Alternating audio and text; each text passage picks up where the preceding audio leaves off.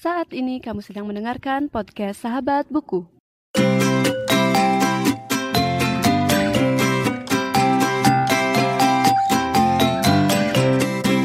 Halo semuanya dan selamat datang kembali di podcast Sahabat Buku. Bagi kamu yang baru pertama kali mendengarkan podcast ini, podcast Sahabat Buku adalah sebuah podcast yang membahas review buku dan pengalamanku saat membaca buku. Episode ini merupakan rekaman dari bincang buku membicarakan feminisme dan kasus kekerasan seksual di Indonesia yang telah dilaksanakan secara offline di Rumah Kopi dan Community Hub pada Sabtu 8 Januari 2022. Ada dua pembicara dalam bincang buku ini. Yang pertama adalah Angela Francia Betiarini yang merupakan penulis buku Demi Kesat dan Rapat, serta Ibu Luh Putu Anggraini dari LBH Apik Bali. Episode ini merupakan kolaborasi dari podcast Sahabat Buku dan Umah Buku. Ini adalah bagian ketiga dari bincang buku membicarakan feminisme dan kasus kekerasan seksual di Indonesia. Selamat mendengarkan. Nah ini ini gini, jadi kita melihat patriarki ini eh, nggak uh, bisa, kita juga harus melihat bahwa ini bukan permasalahan gender satu dengan gender lainnya. Makanya tadi aku katakan uh, perjuangan ini laki-laki itu kalau dia uh, apa yang dibutuhkan gitu untuk bisa bergabung gitu, ya mereka harus melepaskan privilege-nya, melepaskan egonya gitu. Itu terus kemudian mereka barulah ketika mereka berjuang untuk kesetaraan ini itu mereka menjadi feminis. Nah, kalau double standar. Nah, ini malah yang justru menarik yang ingin aku jelaskan. Jadi patriarki ini kan tadi aku katakan dia ini ideologi ya, ya paham gitu kan. Kita sadar nggak sih bahwa sebenarnya teman-teman perempuan sendiri itu juga bisa menjadi pelaku kekerasan seksual. Dia perempuan juga bisa patriarkal. Ketika apa? Ketika ya misalnya kayak uh, eh iya nggak mungkin nggak mungkin dia itu laki nggak mungkin dia dia tuh ini banget soleh banget pasti kamu deh yang menggoda dia misalnya itu kita kita menyalahkan korban gitu nah ini itu kan sudah victim blaming itu kan budaya di mana akarnya adalah objektifikasi. Di objektifikasi perempuan. Tapi sebenarnya patriarkal ini pinter. Makanya tadi aku bilang mereka itu tidak caranya untuk bisa sampai perempuan sendiri itu menjadi agen patriarkal itu enggak yang kamu disabetin gitu kayak dipecutin gitu enggak. Tapi dia pakai wacana-wacana pakai mitos-mitos. Mitos-mitos ini tuh dimasuk membuat perempuan itu akhirnya berpikir oh iya saya ini harusnya memang seperti itu oh iya saya ini harusnya menjaga keperawanan saya. Untuk pasangan saya kelak. Oh untuk supaya uh, saya dianggap bermoral. Nah seperti itu. Kena, itulah kenapa nanti pa pada akhirnya e, perempuan sendiri bisa saling menyalahkan. Ja, ja, itu di mana aku bilang perempuan menjadi agen patriarkal itu sendiri. Jadi kayak ya, kayak misalnya ke, ketika e, gimana ya contohnya? Nah ini misalnya hal gampang aja ya kayak saya gitu ya saya mengalami keguguran nih saya mengalami keguguran di mana ini sangat traumatis dan ini kan pengalaman maternal ya dan itu yang disalah saya itu disalahkan oleh teman perempuan saya kamu Angel yang tidak mampu merawat kandunganmu gitu. Nah ini ini kan dia sudah menjadi agen patriarkal sebenarnya karena ketika dia berpikir bahwa perempuanlah yang punya tanggung jawab untuk uh, tanggung jawab penuh gitu. Ini bayi ini bukan tanggung jawab bersama. Nah itu kan kayak gitu. Terus pada akhirnya uh, ini anggapan ya mitos-mitos itu tadi yang disebut ini kayak mitos-mitos. Pada akhirnya perempuan berkontestasi. Misalnya kayak uh, si suami nih uh, selingkuh gitu ya akhirnya yang uh, perempuannya yang kita sering labrak gitu perempuan saling labrak gitu yang sehingga ada muncul sebutan kata pelakor perebut laki orang. Yang si suaminya tuh akhirnya dilupain nih ininya. Padahal kan kesalahan dua-duanya gitu. Nah terus si perempuan yang menjadi istri merasa kayak aku harus mengembalikan suamiku lagi. Gimana ya caranya? Uh, ya itu akhirnya perempuan dengan perempuan berkontestasi merebutkan satu orang ini. Nah itu mungkin akhirnya ya itu kan jadi ada semacam oh ini perempuan kok malah jadi double standard ya jadi agen patriarki juga itu kayak gitu. Jadi patriarki ini memang pinter bahkan bisa bikin si perempuan itu sendiri jadi agen gitu. Jadi oh ya status quo kan. Kayak gitu.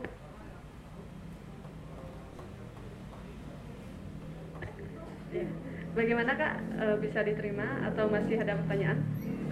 Uh, baik, uh, selanjutnya mungkin dari teman-teman yang lain ada yang masih bertanya? Baik silahkan kak. Mungkin dari kak ini dilanjutkan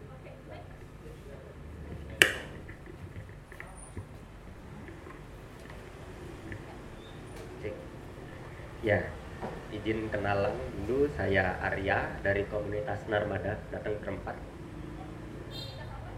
Nalar mahasiswa pemuda.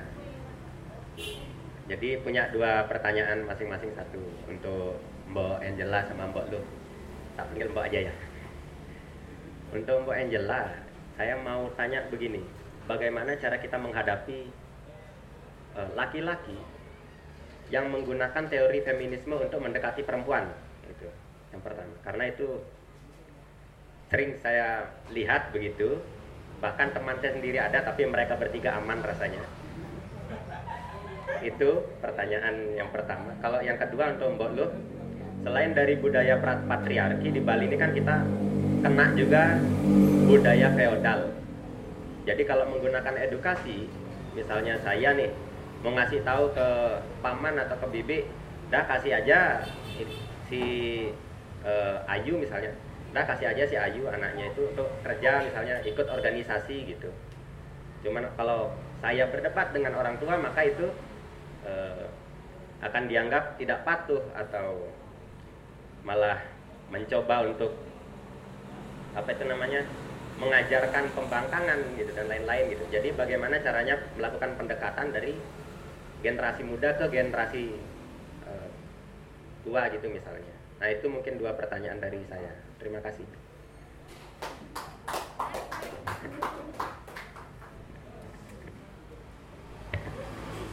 Uh, baik, jadi uh, jawabannya mungkin dija dijawab terlebih dahulu dari Bu Anggraini ya kak ya.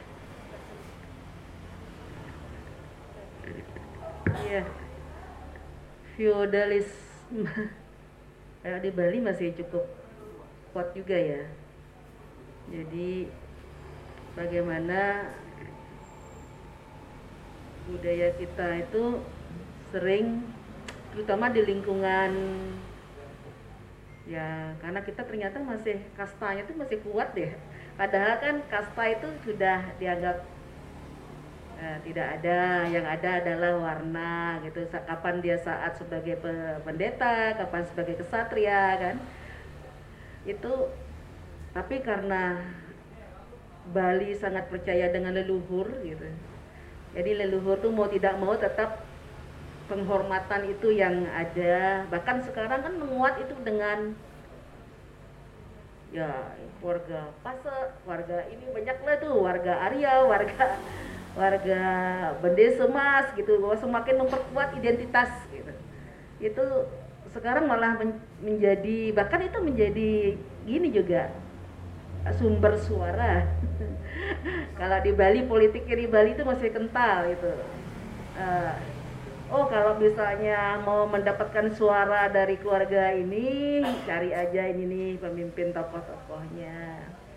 Cari Eh, jadi bahkan kalau di Bangli itu saya dapat informasi itu satu keluarga Dadio itu ribuan ya. Jadi kalau mau masuk jadi calon bupati katanya itu harus menguasai Dadio gitu. Itu uh, uh,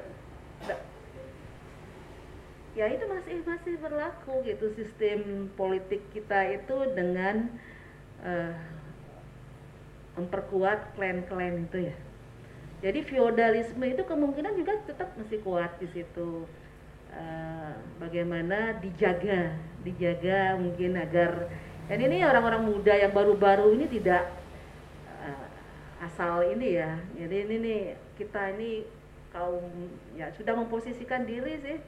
Nah, tapi itu bagaimana anak muda kemarin yang saya lihat juga ini sekarang ini lagi ada penguatan hukum adat di Bali dengan perda desa adat sudah mulai mengelompokkan ada kelompok istri, kelompok Yohane, kelompok lansia, kelompok Yohane itu kelompok pemuda, kelompok istri itu ya ibu-ibunya, kelompok lansia yang usianya di atas 60 tahun. Kemudian ada kelompok pemangku, jadi pemimpin adat. Gitu. Ada kelompok ada kemudian peseraman. Peseraman itu tempat belajar. Tempat belajar gitu. Ya, ya. mungkin ya sebelum ngomongin gini ya bagaimana strateginya ya. Jadi kemungkinan itu masih kuat iya, tentang feodalisme itu masih kuat apalagi kita terkenal juga banyak puri banyak uh, ya sistem raja-rajanya mungkin biarpun uh, kerajaan itu ternyata tetap ada keturunannya kan yang yang menjaga itu agar semakin kuat gitu. Jadi bagaimana kita mencoba padahal sudah sistem itu sudah sebenarnya dihapus gitu. Dihapus oleh ada majelis desa adat sudah mulai mencoba memberikan uh, pemahaman mengenai Bali mau cara tidak hanya di seadat mau cara itu istilah-istilah yang ketika ada ada hukum-hukum negara, ada hukum nasional yang perlu kita pahami, terus kekuatan hukum adat itu seperti apa. Mungkin dengan melihat itu kita mencoba mempertemukan pemikiran Yohana adik-adik muda ini dengan yang sekarang ini mungkin sudah menjelang lansia yang berusaha mempertahankan mungkin kekuasaan gitu ya. Jadi uh, etika, nah kalau etik kita mempercaya itu sebuah sebagai sebuah etika, rasa hormat pada orang tua itu kan memang wajib gitu.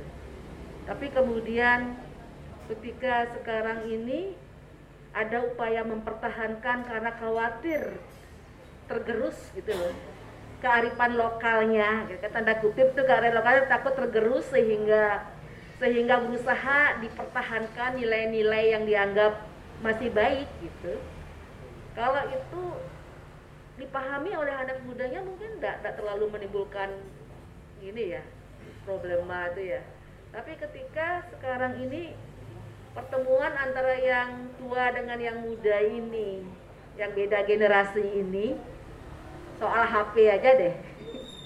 itu ternyata bisa menimbulkan ini ya padahal misalkan satu sisi ya HP-nya positif tapi kemudian HP-nya ternyata banyak membuat masalah gitu tapi anak muda sih udah punya dunianya ya cuek-cuek aja tapi dia orang tua ketika merasa tidak didengar gara-gara HP ini merasa tersinggung, merasa akhirnya ada kekerasan gitu. Jadi sekarang bagaimana menyadarkan itu menjadi apa ya agar feodalismenya itu juga sekarang sepertinya memang semakin meluntur semakin meluntur dan ada dunia baru di adik-adik ini tapi ada juga harapan agar yang memang nilai-nilai yang masih baik tuh ayo dong direkatkan lagi gitu. Nah ini yang perlu mungkin menjadi ini kita. Ah, nah sekarang ah, sistem yang sedang dibuat oleh Pak Gubernur Bali ini adalah memperkuat desa adat. Desa adat di situ ada sekarang kelembagaan yang dikuatkan untuk harapannya memperkuat Bali.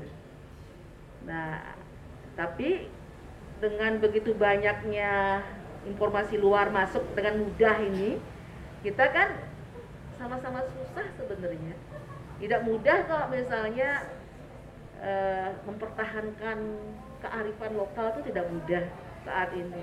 Tapi uh, nah malah mungkin yang yang tua ini malah ingin gimana sih caranya merangkul anak-anak muda agar juga memahami adat gitu. Orang itu ada kerinduan juga gitu. Karena saya juga merasa sudah mau tua nih gitu Bahkan sekarang ini ada ada perda lansia yang berharap dunia orang tua ini dengan anak muda ini dipertemukan gitu. dengan di rumah lansia. Jadi mantan-mantan pejabat yang mungkin hebat-hebat dulu gitu bisa bertemu dengan anak-anak mudanya yang bisa dengan kesegarannya dengan informasi yang baru gitu. Jadi saya coba buka nih sebenarnya ruang-ruang ini bisa menjadi ini konflik tapi bisa juga saat ini menjadi saling menguatkan gitu. Jadi harapannya ya sama-sama pengertian gitu. antara ingin mempertahankan kearifan lokal, mempertahankan identitas Bali, mempertahankan ini, tapi menyadari bahwa di dunia anak muda sekarang kan sudah berubah gitu. Itu sih sebenarnya cara-caranya untuk lebih mendekatkan uh, apa tuh yang dipandang masih oh feodal, jadul yang gitu-gitu ya.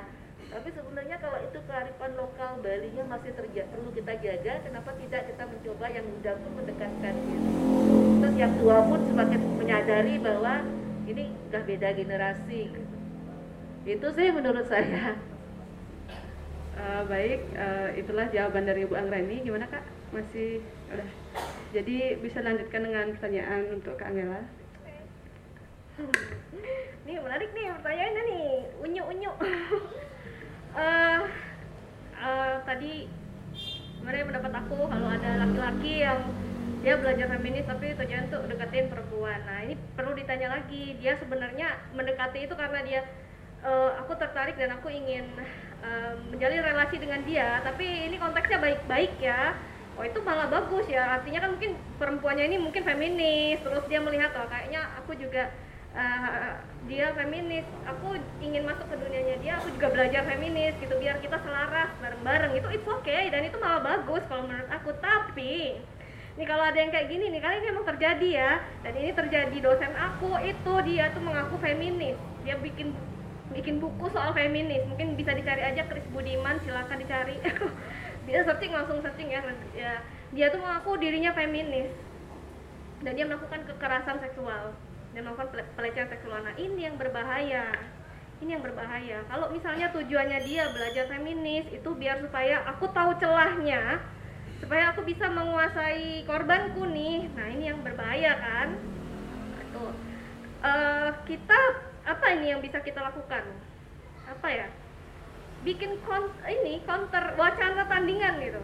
Karena ini kan konteks konteksnya si si orang yang memanfaatkan feminis ini kan dia belajar feminis biar biar apa biar nanti bisa dipakai untuk memanipulasi korban. Jadi kalau misalnya aku dituduh melakukan kekerasan seksual atau aku melakukan uh, hal yang tidak sesuai atau menurut orang kok patriarki banget sih? gitu kan uh, misoginis banget gitu orang nggak akan berpikir itu nggak mungkin itu nggak mungkin. Dia feminis dia buku-buku feminisnya banyak nih. Nah itu kan orang jadi punya sudut pandang itu.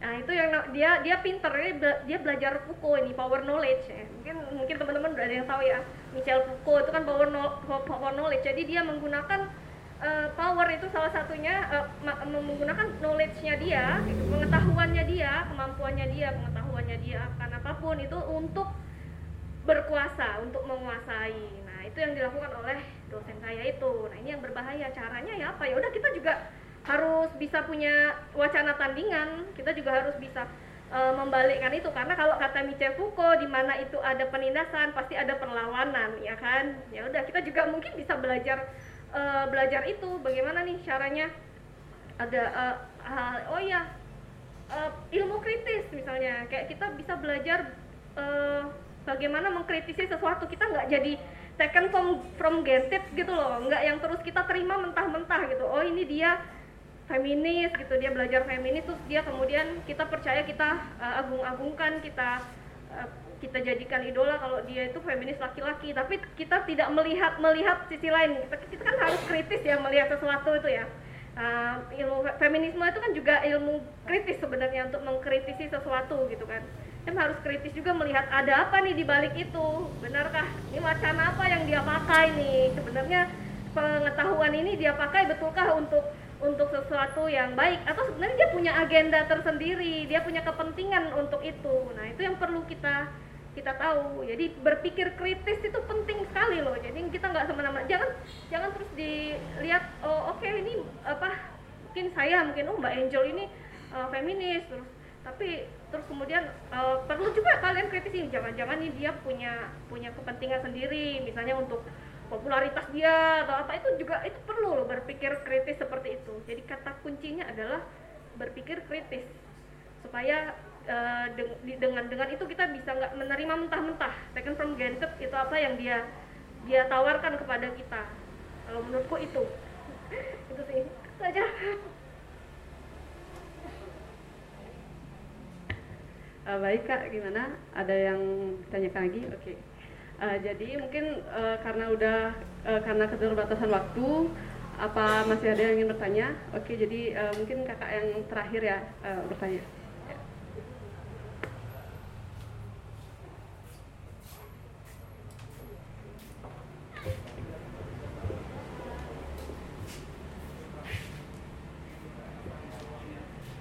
Uh, baik, sebelumnya terima kasih atas waktunya. Nama saya Agus dari komunitas Narmada Bali.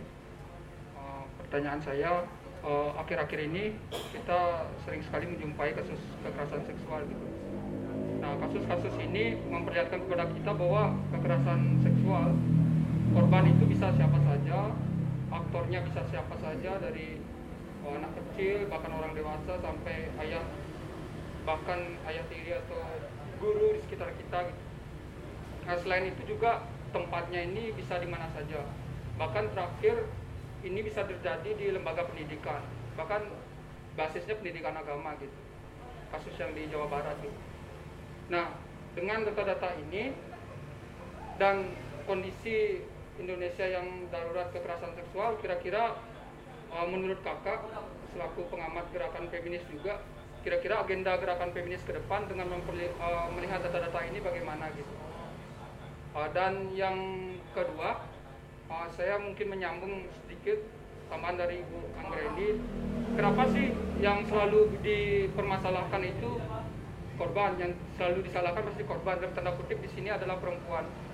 Bagi saya, kenapa perempuan selalu disalahkan ini tidak terlepas dari kultur budaya patriarki gitu. Saya kira permasalahan ini sangat struktural gitu. Adalah soal patriarki di mana budaya patriarki ini berhasil memproduksi uh, suatu keyakinan atau suatu ideologi bahwa perempuan ini adalah makhluk yang salah sementara laki-laki benar gitu. Mitos-mitos seperti misalnya nenek sihir ataupun mitos seperti dalam tanda kutip kasusnya di Bali seperti leak yang selalu diidentikan dengan perempuan itu kan salah satu produksi budaya patriarki gitu yang di mana menempatkan perempuan ini selalu sebagai pembawa sial, makhluk yang salah dan semacamnya gitu. Sementara laki-laki adalah kebenaran gitu. Yang benar, yang baik gitu. Nah saya kira uh, itu mungkin salah satu penyebabnya, mungkin ada penyebab lainnya. Uh, nah, itu aja sih dari saya. Mungkin satu pertanyaan itu aja. Kira-kira agenda gerakan feminis ke depan ini apa? Uh, terima kasih.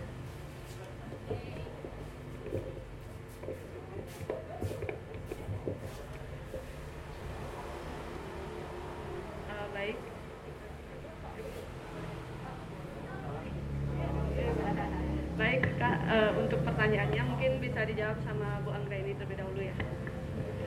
Iya. Ayo kita pikirkan apa gerakan feminis ke depan.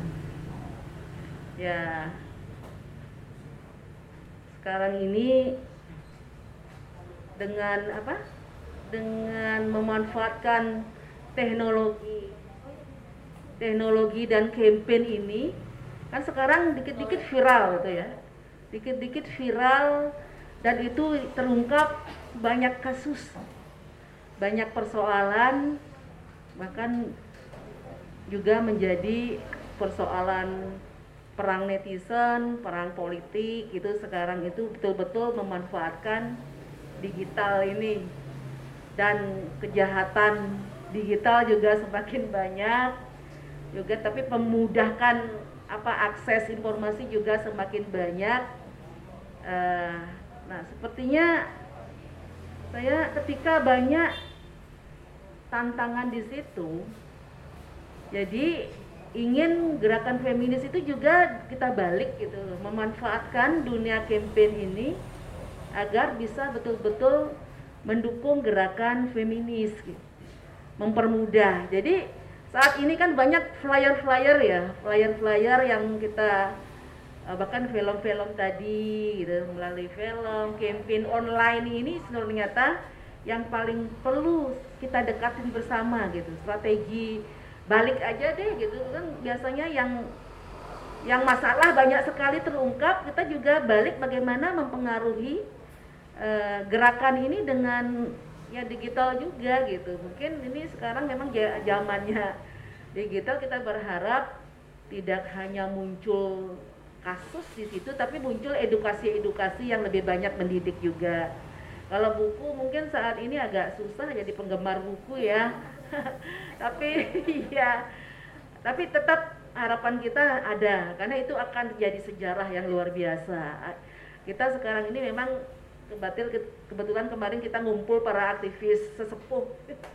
Para aktivis sesepuh bagaimana agar ketika kita mati ini generasi yang nanti 10 tahun kemudian masih tahu gitu loh gerakan perempuan Bali itu seperti apa sih sampai gitu.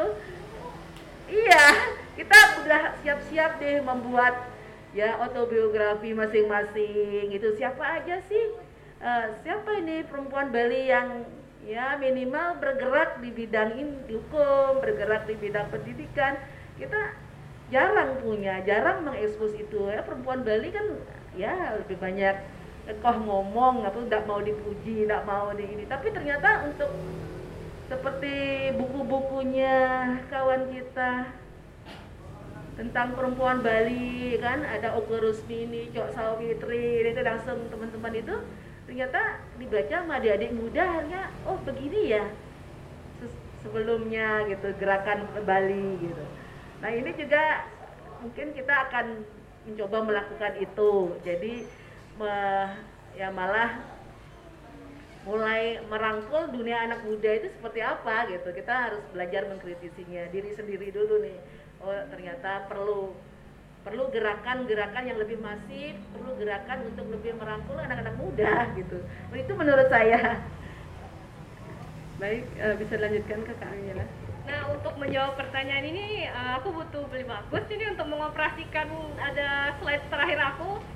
Jadi apa yang bisa kita lakukan untuk uh, eh, KS ini gitu. Minta tolong. Terima kasih. Ini pas banget nih pertanyaannya. Udah aku siapin, mau tenang aja. Jangan sedih.